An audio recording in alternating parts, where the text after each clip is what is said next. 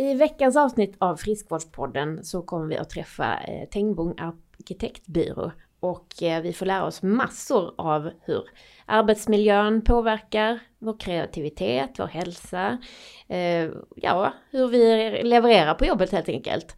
För det är ju ändå så här att vi tillbringar mer än halva vår vakna tid på jobbet. Så det är ju rätt bra om man trivs då.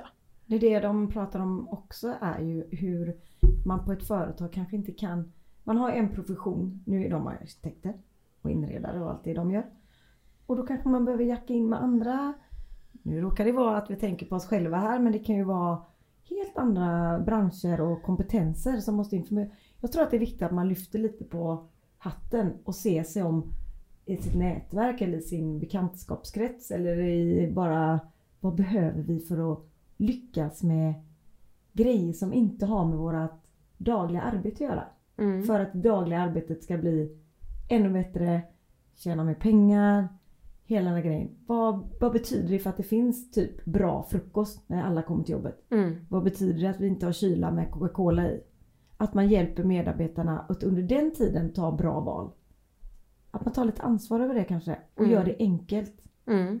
Och sen också att man faktiskt gör allt man kan för att medarbetarna ska trivas. Och det handlar ju både om den fysiska miljön men det spelar ju ofta också över till den psykosociala miljön också. Den är ju superviktig. Ja. Om du inte har kul och känner dig trygg på jobbet så kan man ju lika gärna gå hem. Precis. Jag tänker också att, eh, för det här känns ju som att eh, ni får höra allt om detta sen. Men det känns ju som Tengbom är väldigt i framkant med de här frågorna. Men även om man kanske inte vill satsa så mycket, om man inte har den möjligheten, så kan man ju alltid göra lite där man är och vilket nuläge man har just nu. Jag tänker bland annat på flera arbetsplatser som jag har hört om nu bara den senaste tiden. Att man när man bygger om kök eller matsalar, man har alltså en restaurang på plats på företaget, men man, när man liksom renoverar eller så, då sätter man in de här mikrovågsugnarna och det i den restaurangen också. För att det inte ska bli lite så här vi och dem känslan, ja. att det är, det är vi som har matlåda och det är de som går och äter i restaurangen. För att då blir det liksom en onödiga grupperingar då. Mm. Att det blir ju mycket mer välkomnande om alla får sitta där och äta, mm. även de som har sin egen mat. Mm. Ja, det kan ju vara en tanke. Jag tänker så här ekonomi och det är inte så kul för han som har restaurangen som Exakt. har stått och gjort köttbullar och så kommer 400 med matlåda. Exakt. Så det är ju en liten, det är en liten balansgång hur man ska få ihop det här. Definitivt. Men den som reder ut den den är ju grym. Ja. Kan ju vara så att den får, eh, restaurangen får något subventionerat. Jag har ingen aning. Mm, nej men precis. Men också kan det vara så här att om man är på ett lite mindre företag och man eh, ändå vill göra hälsosamt.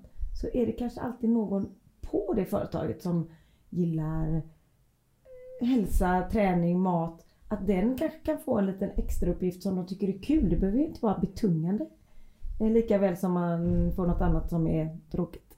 Men någon som drivs av att eh, skicka lite eh, i helgen ska jag ut och springa eller någon som vill följa med eller det här är bra lunchmat. Det här, ja men så här lite små tips. Mm. Så då behöver det inte kosta egentligen någonting mer än ett engagemang för någon som redan tycker det är kul. Precis, och kanske också att man släpper lite på prestigen och tar in andra som man tror jo, kan lite mer. Om man inte tror att det finns pengar eller att ja, man inte vill nej, men precis, pengar. Precis. Och då kan man också se över sin friskvårdspeng. Mm. Mm. De här gymkorten kanske inte alla behöver utan vi, man får nog skruva lite på det för det är så himla mycket pengar i sista änden som man sparar på det och det är det som Linda och jag och du är ute efter. Det är ju den där pengen för på, som du också varit inne på varje krona som man betalar får man tillbaka en del säger fem, men vi säger tre då. Så mm. inte, då har vi inte överdrivit i alla fall. Vi gillar inte Någonstans mellan fyra och tio har jag hört. Men eh, ja, det beror ja. på hur man räknar.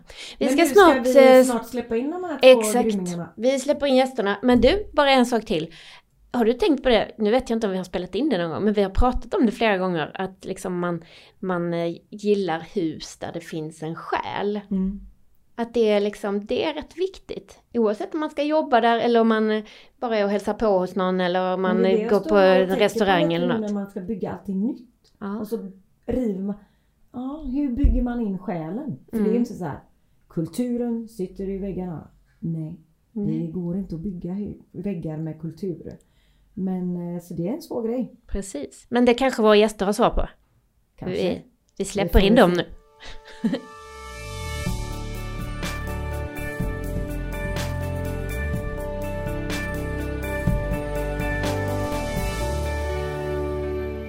Ja, men eh, för det här är podden som tar ett väldigt brett grepp på hälsa och friskvård. Eh, så därför har vi bjudit in eh, arkitektfirman Tengbom idag. Ni får gärna presentera er själva. Vi har två gäster idag. Det är väldigt celebert besök får jag säga. Mm. Cecilia Edfors kallas för Sissan. Vi är ganska många Cecilia på vårt företag.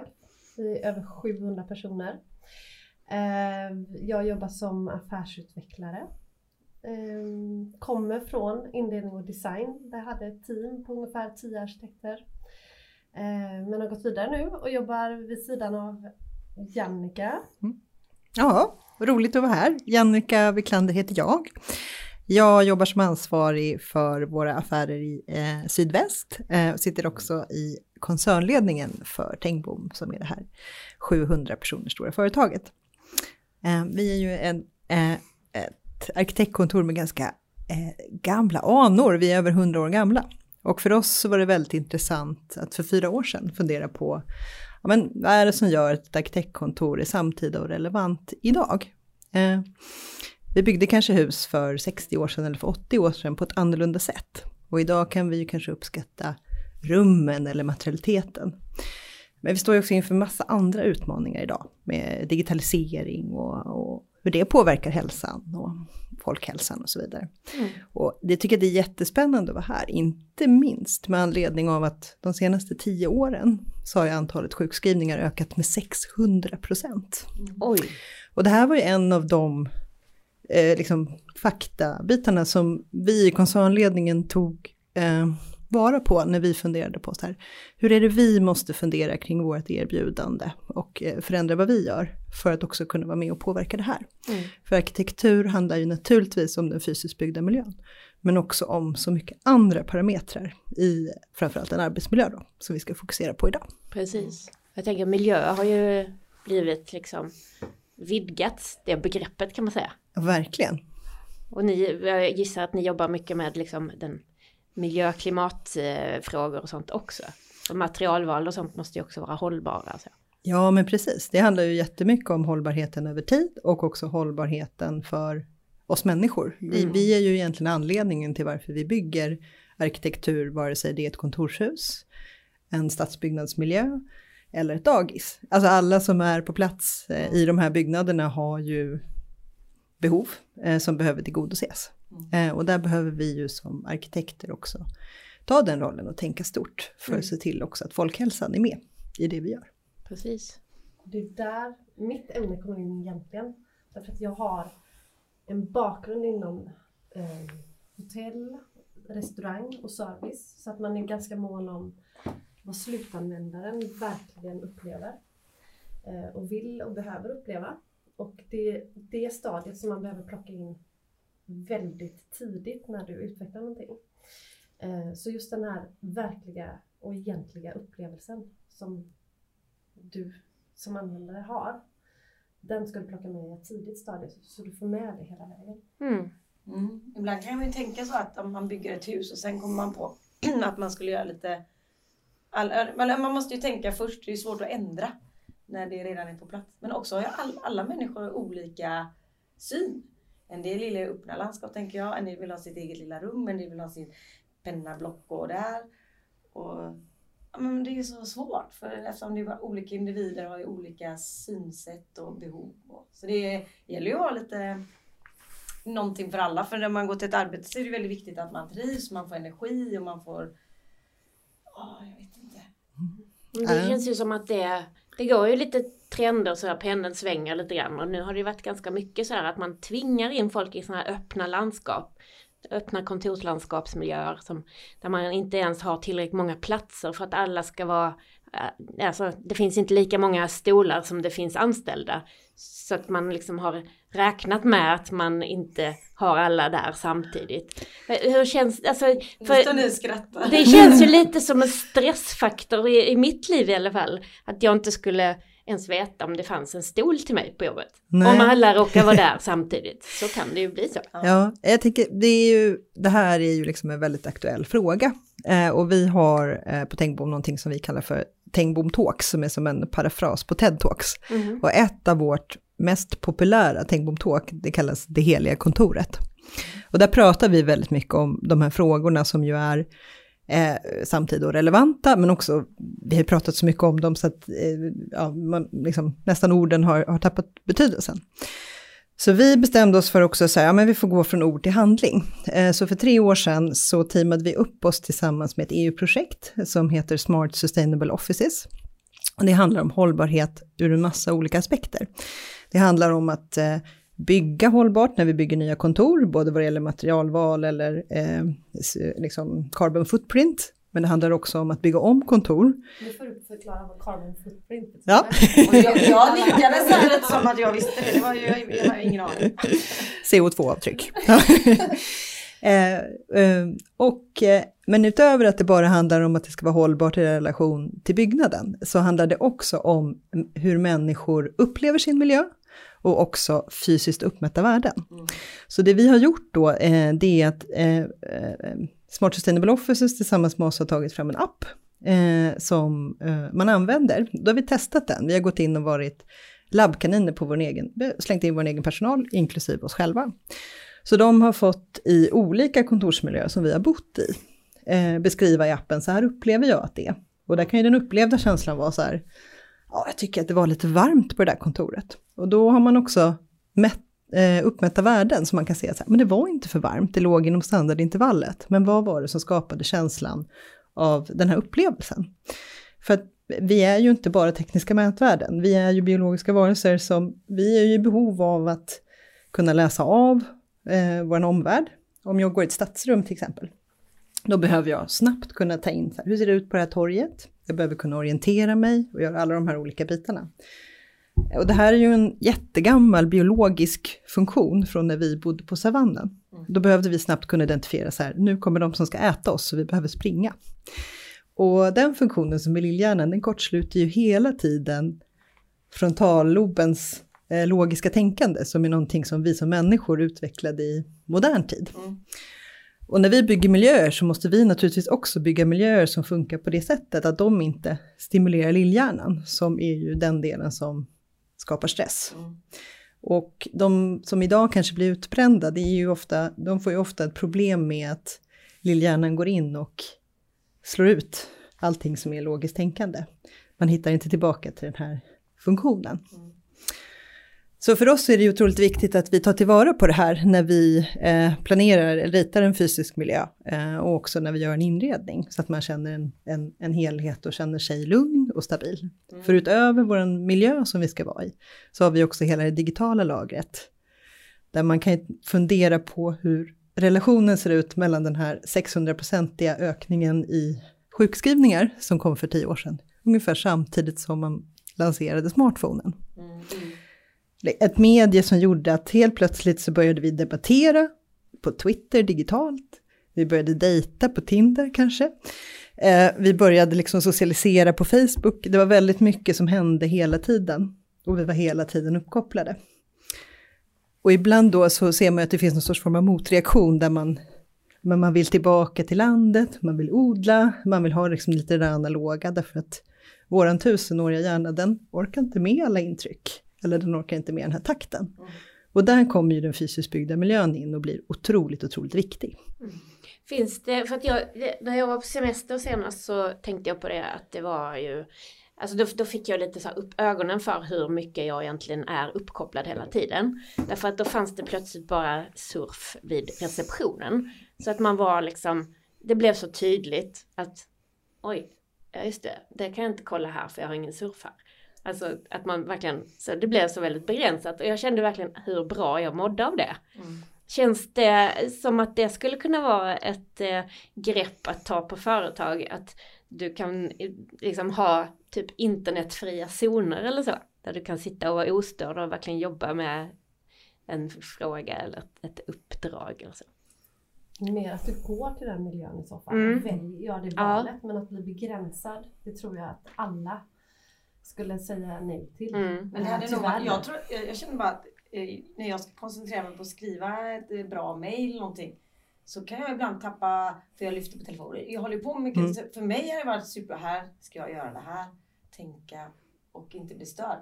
För man blir ju störd. Alltså man, man är ju inte ens medveten om hur mycket. Jag försöker verkligen lägga bort den.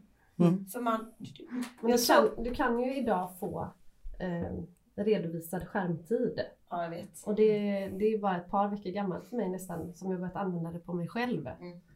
Och det är ingen rolig syn. Men jag tänker, det är bra. Men så tänker jag att vi har det lite lyxigt inom vår profession, inom arkitektyrket, eh, därför att vi, eh, vi både jobbar i digitala verktyg där vi bygger liksom 3D-modeller och vi kan använda googlar och visualisera och röra oss fram och tillbaka över en tidslinje. Men sen finns det ju också ett otroligt behov, ju mer digitala vi blir, av det taktila. Mm. Så att just den där materialiteten i materialval eller att liksom verkligen bygga en moodboard och palett med de befintliga produkterna som vi ska ha. Gör vi inte både och samtidigt och att det inte är en iterativ process, då blir inte miljöerna bra. Nej. Om vi bara skulle vara i det ena eller andra. Så att ibland så är det ju faktiskt så att våran verkstad är det härligaste stället att vara på. Ja, och ibland så, ja, men ibland så har vi liksom, så här, då sitter folk och har möten i verkstaden. Eh, och det är liksom, ja men det är här vi vill vara. Och här bygger vi modeller och jobbar med trä och sådär. Så det är väldigt viktigt att inte tappa den biten av arbetet också, även om de digitala verktygen är fantastiska och loggande och går väldigt snabba. Så har ju både vi och våra kunder ett behov av den där liksom taktiliteten och Mm. materialiteten. Men någonstans är det ju en människa som skapar för en annan människa Mm. som ska uppleva. Och sen så finns det mängder av hjälpmedel däremellan. Mm. Och du måste jobba med det här parallellt någonstans Mm. och förstå vem är slutanvändaren. Jag som människa ska tillverka eller hjälpa en annan person att skapa, du ska skapa en upplevelse för den. Mm. Så du måste sätta dig in i den situationen. Och även om vi kan digitalisera och göra alla bitarna och få mängder av AI-hjälp hela tiden så tror jag att du måste gå in i känslan. Men jag håller ju på att rita, ett- eller jag har ritat ut, men min granne Christer Nordstrand är arkitekt och Ja. ritar vårt hus. Och han älskar när han kommer för att komma med eh, plock, block, sin blyertspenna, linjal och suddgum. Och så säger han så här, du Anna jag tänkte så här, tänk om vi flyttar den här väggen. Och, så, och det går så här långsamt och jag liksom sitter nästan och får sån här du vet, kommer när man, mamma läste sagan när man var liten? Och jag bara sitter och njuter så här för han har ingen telefon med sig. Och, han, och jag ser hur han Mm. tänker och jag vet inte, jag kan inte egentligen se hur det ser ut men jag bara tycker det är så gött att Mm. sitta där och njuta med honom. Ja men det är ju hantverket och hantverket kommer alltid att vara centralt. Ja. Alltså det är ju inget snack om den saken. Sen måste vi ju någon gång få in det lite mer i 3D och så här för jag ska se hur det ser ut för jag har ingen aning hur huset ser ut nu. Jag tycker bara det är så gulligt med den här pennan. Han kanske kan lita en liten axrometri, en liten Ja. vy åt dig. Men jag tror att han, han har ritat så mycket så jag vet inte om du vet om det men han är ju 75 kanske? Ja. Han har ritat massa hus i Kullaryd. Mm. Så det är lite roligt. Mm. Eh, Om vi går tillbaka det här med öppna landskap och stress. eh, Har ni några, liksom, finns det undersökningar eller siffror på det? Hur folk egentligen tar emot det? Att de plötsligt ska sitta tillsammans allihopa eller att de måste sitta på olika ställen och sådär. Stör det fokus, kreativitet och sådär? Om, I undersökningar som finns som vi gjorde då, eh, där man till exempel eh, forskar på ljudmiljö, så säger man ju så här att om man sitter i en ljudmiljö där man diskuterar ämnen som är relevanta för en själv, så är man inte störd av att överhöra konversationer, utan kanske snarare kan bli driven av det. Mm. Men när man sitter i en mixad miljö där det kanske eh, pågår konversationer som är väldigt långt ifrån det man själv arbetar med, då är ju det någonting som stör konstant. Och varje gång man utsätts för ett störmoment så tar det ju ungefär 20 minuter att komma tillbaka i fokus. Mm. Eh, och därför är det väldigt viktigt i en kontorsmiljö att fundera på men vilka olika zoner har vi? Finns det olika zoner för olika sorters arbete så att jag vet att om jag behöver sitta en dag och skriva text, då kan jag sätta mig liksom i, i bibliotekszonen där jag får sitta i lugn och ro och arbeta, det är en god eh, visuell miljö. Eller har vi en miljö som är en eh, arena för föreläsningar så måste ju den ha en, en, en, en fungerande Mm. utformning så att vi kan använda den och så vidare. Men det här finns det ju väldigt mycket forskning på eh, och hjärnforskarna pratar ju väldigt mycket om det. Alltså vad är det som hjälper oss, vad är det som hjälper oss i eh, vår arbetsmiljö? Och det var ju väldigt intressant för oss att se också det här lilla testprojektet där vi har slängt in oss själva som försökskaniner. Eh, vi satt på vårt förra ställe så satt vi på ett plan med ungefär 100 medarbetare. Eh, och det var en fantastiskt fin planlösning och så vidare. Men det var väldigt många som stördes av omgivande ljud och så vidare. Eh, just nu sitter vi lite mer sonerat och uppdelat mm. och där man faktiskt har sin liksom, arbetsmiljö som är mer som en studio där man sitter och arbetar. Mm. Eh, och då när vi gör mätningarna så ser vi också att så här, ja, men vi får mer fokus. Eh, när jag är här så vet jag att jag sitter i min studio och jobbar med mitt kreativa arbete. När jag är uppe i arenan så är jag medveten om att här kommer det ske en en föreläsning eller hit kan jag gå när jag behöver inspiration eller jag kan ha ett möte med en kund här men det här kundmötet innefattar också att andra kan komma och lyssna och sådär. Mm. Och då öppnar vi upp för andra sorters eh, samarbeten och affärer också. Mm. Jättespännande. Jag tänker så här när man sitter på sånt här ställe som vi är som är ett eh, liksom, företagshotell, måste jag co-work. Mm. Då kan det ju bli svårt. Så vi märker att, lite hybrid kan man kalla detta tror jag. Ja, men, men vi märker ju ändå att fler och fler vill ha sitt rum. För att då jobbar man med, vi är ju inte samma bransch eller någonting så det kan bli lite konstigt och alla, alla går runt och viskar. Alltså jag kände så här när Linda och jag flyttade in på rummet, man har ju lite hemlisar också när man har ett företag som man inte vill outa. Det kan ju vara ganska jobbiga grejer som händer som man inte vill att alla ska veta och det kan vara väldigt roliga grejer. Men då brukar vi öppna dörren i sig. Men det kan ju vara grejer när man driver ett bolag som inte, allting är ju inte guld och gröna skogar. Mm. Så det var ju det tror jag många känner att man vill liksom kunna man måste ju prata om det man får. kan ju inte gå ut och sätta oss i bilen och prata. Alltså det blir jättekonstigt.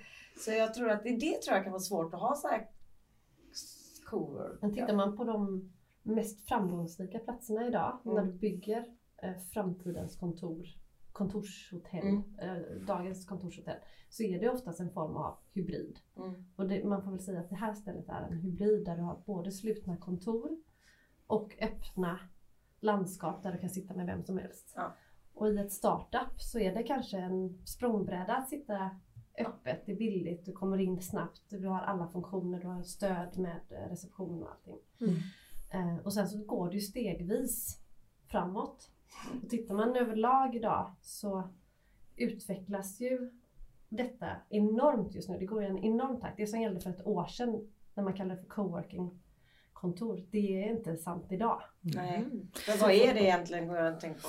Och, där, och där kan man ju kolla på eh, hur man är samtida och relevant. Och för att vara det så är man ju förslagsvis en lärande organisation. Att man hela tiden prototypar och utvecklar, men att man lär sig av det som inte funkar.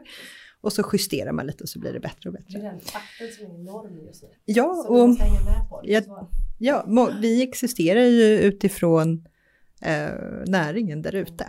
Eh, alla vi här inne tänker jag. Och den går ju exponentiellt snabbare och snabbare hela tiden eh, och också digitaliserad. Och det här har varit superspännande när vi har jobbat med vårt projekt A Working Lab och A Learning Lab eh, för Akademiska Hus uppe på Chalmers. Mm, berätta mer. Ja, och det här är ju ett, eh, ett samverkansprojekt där man har jobbat med eh, innovativa processer, både under tiden som man har byggt huset, men, men även under byggprocessen, vilket ju naturligtvis är utmanande, men också jättespännande för oss som arkitekter att få arbeta med helheten, både med liksom, men hur ska det här mötet se ut eh, här och eh, hur ska takfoten se ut. Det blir liksom en väldigt spänst, eh, mm. men också en väldigt god nyttjandegrad av arkitektens kompetens. Men eh, det som är ju jättespännande där, det är ju att det här är ju en mötesarena för akademi, eh, näring och privata intressenter kan man säga. Och eh, i de här miljöerna så finns det också någonting som heter uh, A Learning Lab, som är en labbarena kan man säga. Där man har byggt en uh, fantastisk miljö som, där man också har fokuserat på kanske mjuka värden som uh, föränderlighet i ljus och föränderlighet i ljud. Man har jobbat tillsammans med scenograf för att kunna här, skapa de här olika beskrivna mötena som man kanske behöver idag för att ha en workshop eller för att jobba på olika sätt. Och det här labbet, det kan man söka till med sin idé kring hur skapar jag transformation i dagens samhälle, hur skapar jag ett lärande? Om man då är en startup till exempel så kan man söka in med sin bästa idé och få en möjlighet att låna Learning Labet alldeles gratis. Och sen kommer alla större privata aktörer som kanske har blivit lite mindre innovativa och lite mindre trögående eh, och är med också så att vi får liksom en ett samnyttjande kring att eh, få fart på den där innovativa delen. Mm.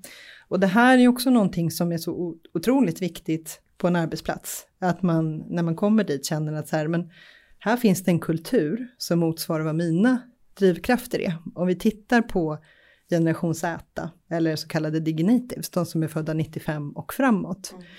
så är de extremt värdedrivna. Eh, Greta är ute och protesterar kring, eh, kring miljön och toppstudenterna på Sorbonne som ska ta över storföretagen i Frankrike vägrar därför att de inte tycker att det finns en hållbarhet i företagens upplägg. Varken en ekonomisk eller en ekologisk, men inte heller en, en social som handlar om naturligtvis stora samhällsfrågor, men också om hälsa på arbetsplatsen. Mm. Vad hette de sa du? Digi... Diginatives. Diginatives. Ja, det är den här konstant uppkopplade generationen som ju är både digitala och globala och hela tiden jobbar med opinion i kanaler som man kanske inte haft tillgång till i min generation. Mm. Alltså där, där gick det via politiker eller så. Och det här har ju ett otroligt stort genomslag idag. Gretas rörelse hade ju inte nått ut på ett sånt sätt. Nej. Och här spelar ju parametrar som liksom hälsa en otroligt stor roll också. Eh, det kanske har varit eh, parametrar där man tidigare inte har lyckats räkna hem, så här, vad är vinsterna på det här? Eh, vi gjorde en studie i ett annat projekt där vi funderade på så här, ja men eh, det här var 2014, då hade det precis kommit ut en massa ekonomiska analyser som handlade om så här, de här mjuka värdena, när de inte finns på plats, vad kostar det per medarbetare som jag har? För någonstans så här, om man är riktigt krass då, som företagsledare, och så funderar man på så här, ja men jag behöver ju ändå så både leverera liksom en superbra kvalitet och en designprislapp på den arkitekturen jag gör, men jag behöver ju också leverera en vinstmarginal. Mm. Så ser världen ut. Mm. När kommer mina medarbetare att leverera så hög kvalitet som möjligt och så hög vinst som möjligt? Ja, det är naturligtvis när deras drivkrafter är på topp och när de har en hälsosituation som är så bra som möjligt. Mm. De har en arbetsgivare som förespråkar att de sportar utanför jobbet och stödjer det på arbetstid, yoga, sport. Eh, vi har ett initiativ som heter Walk and Talk där vi eh, kombinerar att man i grupp går ut och tittar på arkitektur som finns, men man går även ut för att få dagsljus. Mm. Och det här är ju även om det är mulet. För 30 minuters dagsljusintag, det är det vi behöver för att återställa våra cirkadiska system. Men det är en, eh, det är en, eh, en liksom viktig investering i, i tid, där jag skulle kunna sitta och räkna så här, ja men okej, då tappar vi en timmes intäkt här. Men det som vi får tillbaka är ju någonting helt annat. Mm. Och vi är ju naturligtvis alla eh, styrda och drivna av efterfrågan och ekonomiska modeller. Och därför är det ju så otroligt viktigt också att de är en del av helhetstänket. Så att det inte blir så att när vi pratar om hälsa, så pratar vi om hälsa i ett litet fluffigt moln och sen mm. har vi liksom en, en ekonomisk modell som gör att det hela tiden för att det inte får bli fluffigt. Det måste bli lite hårt och mm. på riktigt. Ja. Men samtidigt så kan man ju se också att vad kostar det att inte investera i det? Ja. Nej, men vi, vi räknar ju på det hela tiden och det är så här. Nej men alla mår bra här, vi behöver inte det. Och man bara men hallå, nu, du förlorar ju pengar på att inte ta så här lite en tankevurpa tror jag. De, liksom en, ja, eh, vi måste vurpa i, tillbaka det. Mm. Men så är det ju i alla branscher egentligen. Jag jobbar ju så, som dietist i, eller jobbar inte som mm. dietist i den klassiska bemärkelsen men jag har ganska god insyn i hur sjukvården fungerar och sådär. Mm. Och det är ju väldigt mycket så att man satsar inte förebyggande fast man kan säga att det liksom på varje satsad krona får du tillbaks mellan en och fyra kronor. Mm.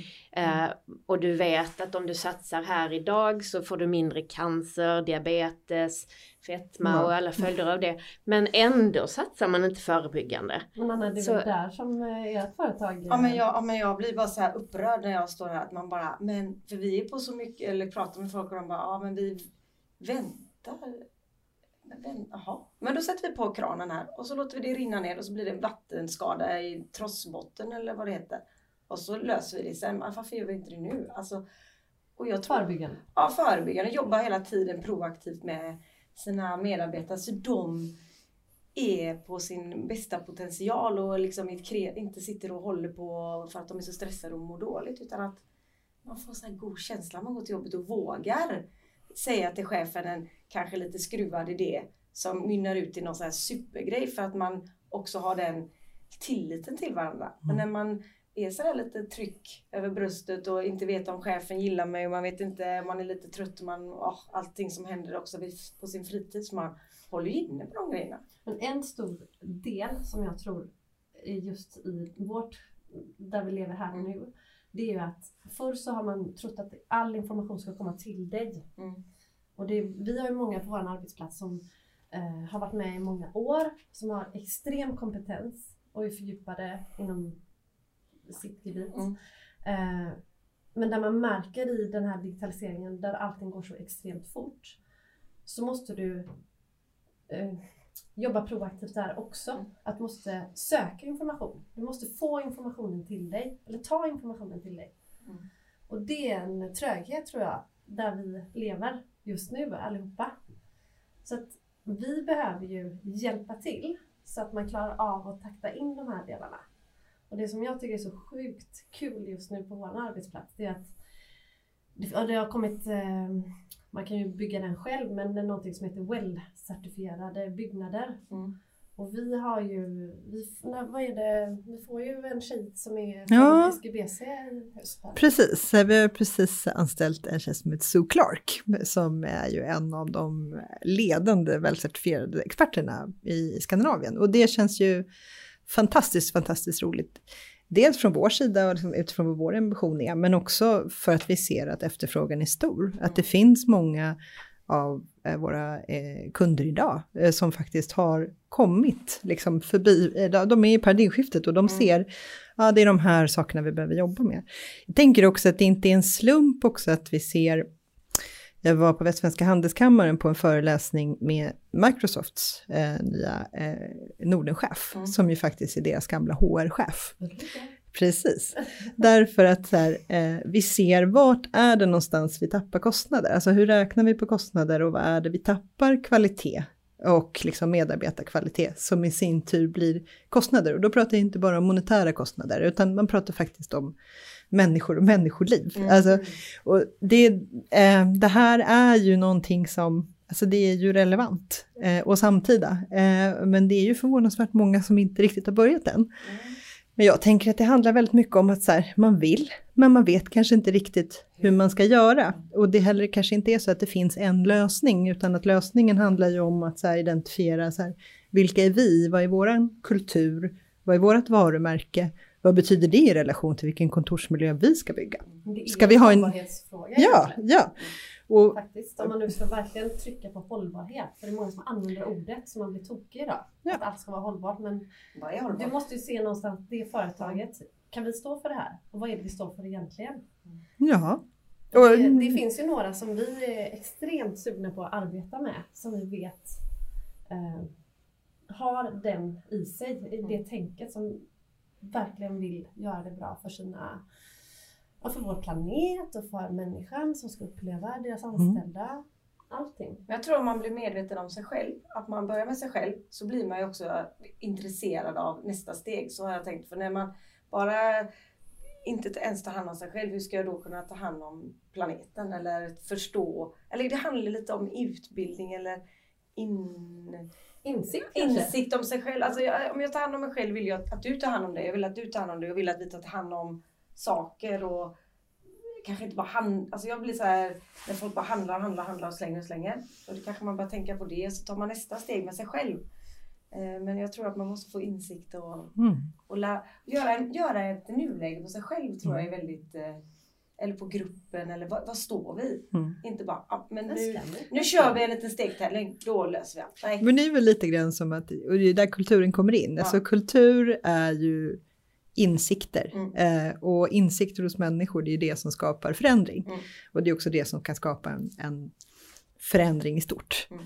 Sen kan ju vi med hjälp av liksom arkitektur som verktyg hjälpa till att skapa den sortens transformation Mm. eh, i olika sorters byggda miljöer.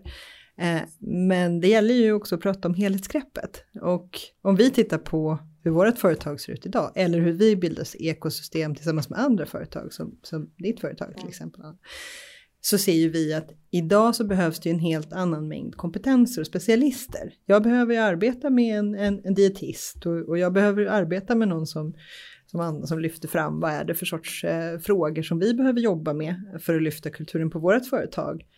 för att se till att... En att sondering lite. Ni jobbar väl lite med en sondering, Mm. jag. Mm. Ja. Hur, hur mår företaget och vad behöver varje enskild individ Ja, alla med? behöver ju inte samma. Utan Nej. man kan ju se, och det som vi har också är ju att vi kan ju driva trafik till de som vi säger är låga. Systemet vet om det, vi vet inte om vilka det är. Och då kan, det- jag tror också att de här små, små, små förändringarna det är inte de här, du ska inte börja springa maraton, du kanske bara ska börja ta den här promenaden som ni redan har på företaget fast alla inte vet om det.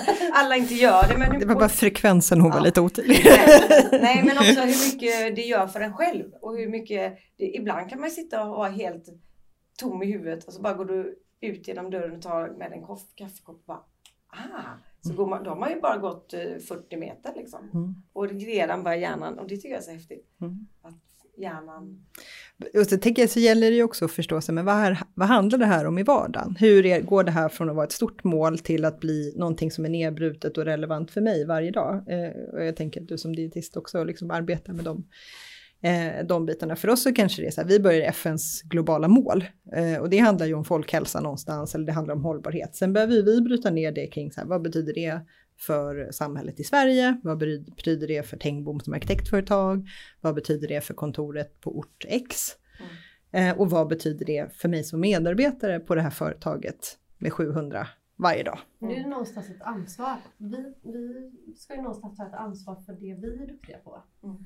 Ehm, och du tar ansvar för det som du är duktig. Så att det blir som en stor tårta. mm. Mm. Men man måste ju precis hjälpa varandra. För det löser sig inte själv där. Alla kanske inte kan göra allt. Nej. Men man kan bidra från sitt håll med någonting. Och jag, jag ser den här, jag tycker ju det här med well, att vi måste berätta lite mer om det. Ja men Mm. verkligen. Ja, nu går vi in på well. Vi gillar well. Ja, för jag blir lite såhär bara, hmm, men blir inte folk rätt förvånade om man är en arkitektbyrå och så jobbar man egentligen med människor och humanitära värden? Liksom. Fast det är det som är så coolt. Ja, det är ju det jättecoolt men Men blir man inte nej, jag, måste nu, jag tror jag måste för- säga tvärtom. Ja, jag tänker okej. att så här, eh, om huvuduppgiften är att bygga fysisk form för människor att vara i. För Mm. om det inte fanns några människor som skulle bo i städer eller hus, utan om vi skulle bo på savannen, då behövs ju inte yrket arkitekt, även om det är väldigt, väldigt gammalt. Men om jag inte skulle fundera på hur det fungerar i en kulturell kontext, då, ja, då missar vi ju hela uspen med det vi håller på med. Mm. Eh, Så jag tror att, men sen så kan man ju säga så här, beroende på hur stor en arkitektfirma är. Det kanske är svårt att inhusera en, en well-specialist på ett företag med 30. Vi kanske kan ha det för att vi är 700. Eh, men sen så handlar det väl också jättemycket om att så här, den klassiska företagsformen där man har allting in-house är ju också i en, en stark transformationsresa och det handlar ju mycket mer som vi pratar om idag, att här, bygga ekosystem tillsammans med andra företag för att, för att hitta en skräddarsydd lösning för just eh, kundens fråga. Mm. Eh, jag alltså- har ju med second opinion också för att hjälpa eh, andra företag eller andra arkitektkontor som kommer till oss eller deras Mm. kunder kommer till oss och vi har second opinion på arkitekturen. Mm. Och då kan det vara värden som vi har kompetens som kan tillföra och de använder discipliner hos oss för att jacka in. Ja, och vi kan också göra samarbeten kanske med de som också skulle ses som direkta eh, konkurrenter, att vi heter samma sak, men vi kan komplettera varandra på olika sätt. Mm. Så att jag tror att det är ju, Ett ansvar där med. ja men det är ett ansvar och jag tänker att också så här, vad var ett varumärke för 40 år sedan och vad är ett varumärke idag? Eh, Jag tänker att det är jätteintressant att titta på, på, på Forbes eh, liksom, eh, 100 topplista. För eh, hur såg det ut för 50 år sedan och vilka företag ligger där idag och hur länge överlever de? Mm. Så ibland så handlar det ju också om att så här, eh, det handlar ju mycket mer om att man jobbar med specifika frågor.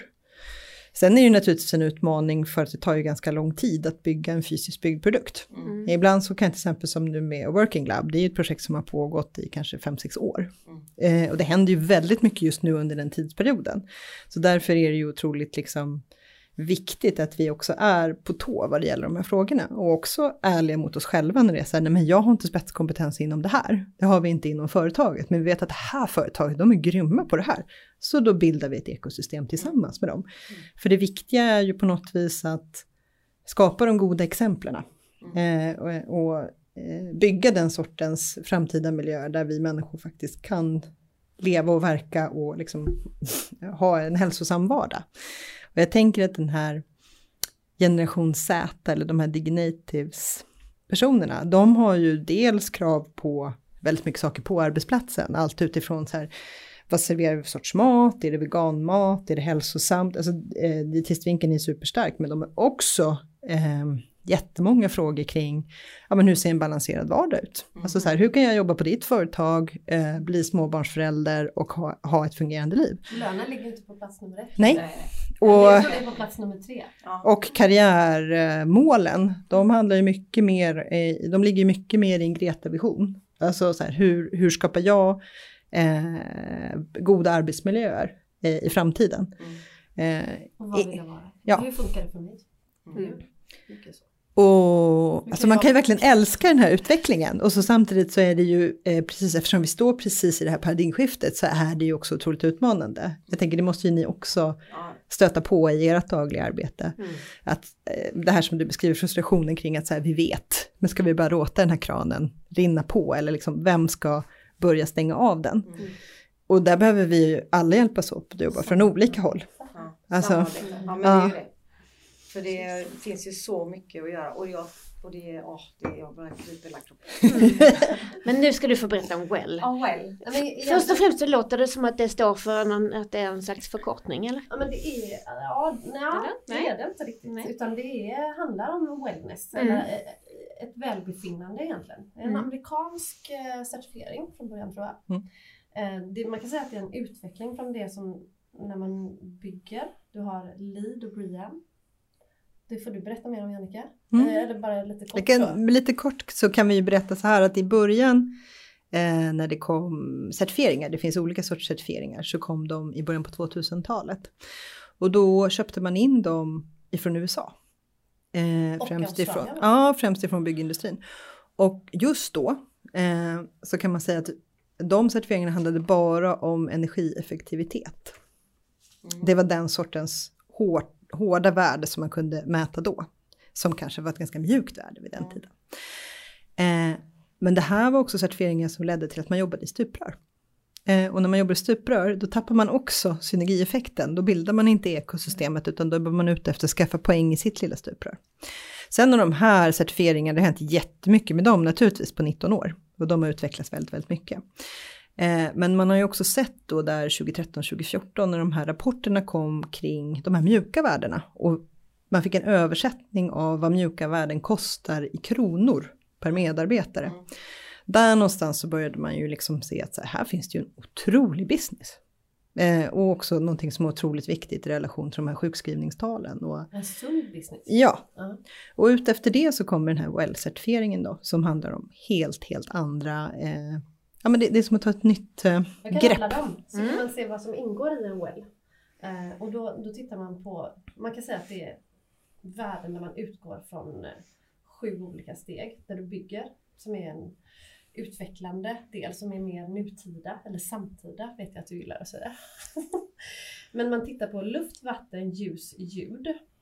Och det, det är någonting som alla arbetar med och har gjort genom tiderna som arkitekt alltid, tänker jag. Men det som är uppe på detta, de tre extra delarna i Nu tittar du på mig. Nu tittar på dig. Nej men det är kost, motion och välbefinnande. Det är där vi kommer in. Och där kommer även Kajsa in. och det är sjukt intressant och jag älskar att ta upp vårt exempel som vi har varit med och vunnit en tävling nere i Växjö. Mm. Som, som inkluderar hela alltet. För att där har vi gjort en, ett eh, ett eh, höghus, jag vet inte hur många våningar det är, men mm. i, helt i trä. Projektet heter Växo. Växo? Växo och det är ju, eh, ja, precis, ja. Castellums nya eh, ja. flaggskeppskontor. Och Castellum är ett mm. typiskt sånt företag som ligger i framkant.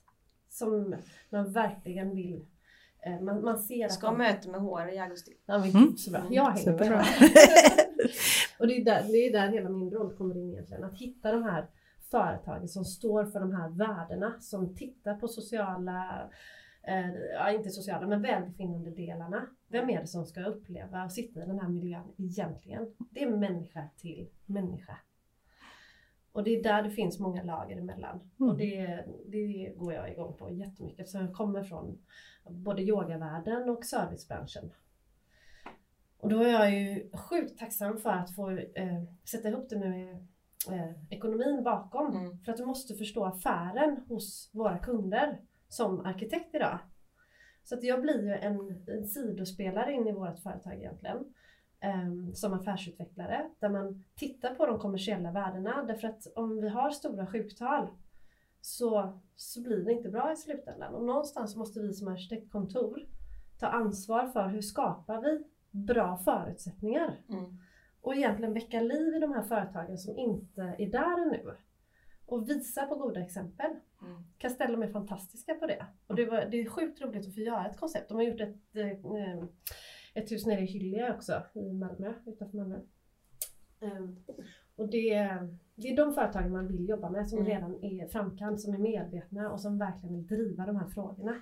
Det är där vi kan bygga de goda exemplen och de goda exemplen där, som vi sen kan lyfta till alla, alla andra som undrar hur, eh, det här låter jättespännande och nu har jag kanske förstått USPen, men hur ska jag göra? Mm. Alltså vad, vad är det för förändringsresa jag behöver börja med inom mitt företag och eh, ja, hur behöver vi jobba med det här på helheten liksom? Och ansvaret där måste ju också någonstans ligga i företagsledningen. Att du skapar den kulturen och medvetenhet. Och, så att det, vi kan skapa vissa förutsättningar. Du kan eh, hjälpa på ett sätt med verktyg och motivation och allting. Men sen är det någonstans, det måste spridas i företaget, en anda. Mm. Det är då det blir en Men det, där, hållbar miljö. det sitter liksom inte i väggarna. Det sitter kanske Nej. mer i människorna. Men du måste vara medveten, du måste ha insikt. Mm. Ja, precis. Jag tänker också att vi snart inte kommer ha ett val. Alltså när eh, generation Z eller Dignitives är på plats. Och det handlar ju inte om att Greta ska växa upp. De här toppstudenterna på Sorbonne, det är ju verkligen deras Handelshögskolans liksom, top-notch-studenter som går ut och säger så här, men jag kommer inte ta över det här. Jag skulle gå på Sorbonne. Det är bra. Eh, inte för nej, det kommer. Nej, men att de faktiskt också verkligen går ut och gör ett statement och säger så här, vi tror inte på det här. Nej. Det här kommer inte vara hållbart. Det är Eh. där det blir coolt för att då, då kan företagen börja drivas av det för man hittar ett kommersiellt värde i att må bra. Mm. Och någonstans så lever vi ju där nu där vi är i den förändringen så att förhoppningsvis så kommer våra barn vara, vi peppar för våra barn och nästa generation. Mm. Eh, Förhoppningsvis får vi uppleva det också. Mm. Men det är ett ansvar hur fort du vill gå fram, hur mycket du vill ta till dig det idag. Mm. Mm. Där får man ju också ge en eloge till våran eh, region och Göteborgs stad som jobbar så stenhårt med barnperspektivet. Eh, och också har liksom Sveriges största kulturbudget för barn. Och naturligtvis väldigt smart på grund av att så här, ja, men det, det här är ju framtiden. Vad är det de behöver? Eh, alltså så här, de jobbar aktivt med att understödja att vi inte ska få barnfetma eller liksom andra Vi- folkhälsosjukdomar som finns i västvärlden idag. Liksom. Men vi jobbar ju, vi ska in på skolor liksom för att få ordning och Kajsa gör en bok nu för ungdomar som tränar mycket vad man ska äta. Mm. Som också är så här, för de vet, man vet, som förälder vet man inte, alltså inte ens, inte ens jag som är sin, nej, men jag är ändå lite insatt nu kan ju säga så här till Olle, ta det här utan de behöver hjälp, alla behöver liksom hjälp för att välja de bra valen för det finns så mycket skit på Mm. hyllan. Men då finns det ju verkligen en grupp, jag som har varit på resa nu en vecka precis. Eh, varje dag, vad, vad, gör, vad tar, eller vad väljer barnen när de inte vet vad de ska välja? Och då finns det alltid korv, pommes frites, Mm. hamburgare, alla de här dåliga grejerna. Och någonstans så tror vi att det krävs ett jättearbete mot restaurangerna. Ett, Ja. en, en förändring i menyn så att det inte går att välja skitmaten. Ja, det är ju så konstigt att man ger det sämsta till barnen. När man går på restaurang. Ja, de får pommes frites och kyckling. Ja, ja. Fanns det inget annat? Eller pannkakor. Men det, här finns det, ju, finns det ju också liksom en, ehm, en, eh, ett ekonomiskt incitament Jo. som handlar om liksom hur samhällsklyftorna blir större och större och vi har liksom en större gruppering av människor som ligger under existensminimum. Mm. Där är det ju inte så att man väljer utan där går man ju till lågpriskedjorna och köper. Och där, vi ser ju också att det är där vi har de värsta eh, utvecklingen det av dåliga här, folkhälsotal. Att Liksom. köpa en pommes frites. kanske? Ja, Ja, verkligen. Ja, men att köpa en pommes frites-påse kostar ju bara 14 kronor.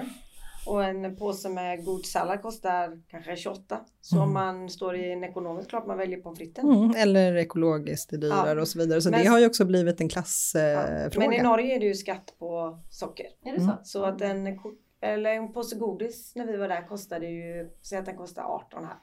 Jag tror den var uppe i 43, då blir man så man kan köpa en gott och blandat för 43. Hur funkar det då? Vad säger du? Ja, nej, jag vet faktiskt inte riktigt. Alltså det är väldigt mycket gränshandel då Ja, istället. De precis. åker över till Sverige och handlar taxfree. på gränsen Ja, gör precis. Ja. Och Men jag, jag reagerar också på det. Det var som tillbud tre en och en halv liters petflaskor för 99 norska. Det tyckte de var billigt liksom. Man Mm. bara, wow. Mm. Men eh, nej, för det, det är ju, jag tycker absolut det är för billigt. Men jag är inte säker på att det skulle ge någon skillnad på det sättet att göra det dyrare. För om man tänker på vad som är Nocco och liksom den typen av drycker kostar så är det ju snarare liksom en statussymbol då att jag har råd med det här. Mm. Så att det, det är ju också en väldig balansgång liksom. Ja, men jag tänker, där är vi ju tillbaka på den där kulturen. Mm. Kulturen som skapar insikten som man får, som skapar en förändring. Alltså, vad är det jag då, oaktat om jag är en låginkomsttagare, vad är det jag försöker uppnå då med den potten jag har? Mm. Eh, Men mycket handlar väl om utbildning också, för ju mer man vet som vuxen, ju mer påverkar man sina barn. Olle kan ju kalla mig gärna hälsokärring ibland. Men han har ju ändå lyssnat. Men Alltså- alla som är utbildade då, om man nu måste vara utbildad för att förstå att man inte ska äta socker, kan ju se till att man inte serverar socker. Eller Mm. Men som jag, jag tänker kan också se- att jag man utbildar, att man tar in föreläsare på företag, att man i om man går in och ska göra ett hälsoarbete på en längre tid, vi vill ju gärna hålla på i minst två år, då lägger man in i utbildning till personalen där så man lär dem. För det är inte Absolut. Ja, och Mm. det tror jag, när man Men- vet någonting. Men till de som då inte, eh, som bara blir påverkade, Mm. så måste någonstans, om man tittar, jag, min Jolin går på Brottskärrskolan. Jag tror de är topp tre i mat. De har ett stort salladsbord som de måste gå igenom först innan de tar maten. Eh, och de gör all mat på plats. De har exakt samma budget som de andra skolorna. Mm. Men de har valt att göra maten på plats. Mm. Och där tar man ett ansvar igen. Så att de som kan och vet måste göra, skapa enkelheten för den stora massan. Mm. Ehm, det, blir, eh, det blir någonstans, och det är det jag menar med restaurangerna. Att Mm. det måste eh, någonstans ske en förändring Mm, och alla tar ansvar. absolut. Och jag vet ju bara som i en well-certifierad byggnad, om du har ett café så får du inte lov att servera cola, chips, eh, godis eller någonting. Utan du måste ta ansvar för vad du serverar i det här caféet. Sånt är så bra. Vi, vi eh, har ju en sån här, vad heter det, automat här. Och det finns ju faktiskt att välja där på Convini eh, hälsosam. Vi måste ju sluta här nu också. Vi Mm. skulle kunna hålla på hur länge som helst. Mm. Men eh, det är väldigt, väldigt intressanta frågor. Vi kanske kan få bjuda in er igen. Hemskt Ta en gärna. uppföljning i, i höst här. Vi vet ju att ni ska till Almedalen nu och prata om viktiga saker och sådär också. Kan du inte bara liksom en, en liten snabb recap vad det gäller hjärnan? Bara typ tre meningar av viktigaste grejerna som hur arbetsmiljön på, påverkar hjärnan. Vi kan ju aktivt arbeta med, eh, med vår arbetsmiljö eller den fysiskt byggda miljön för att faktiskt lugna eh, och skapa den sorts arbetsro som man behöver på sin arbetsplats. Sen måste vi också skapa stimuli på en arbetsplats. Det gör vi naturligtvis både med arbetsmiljö och med kultur.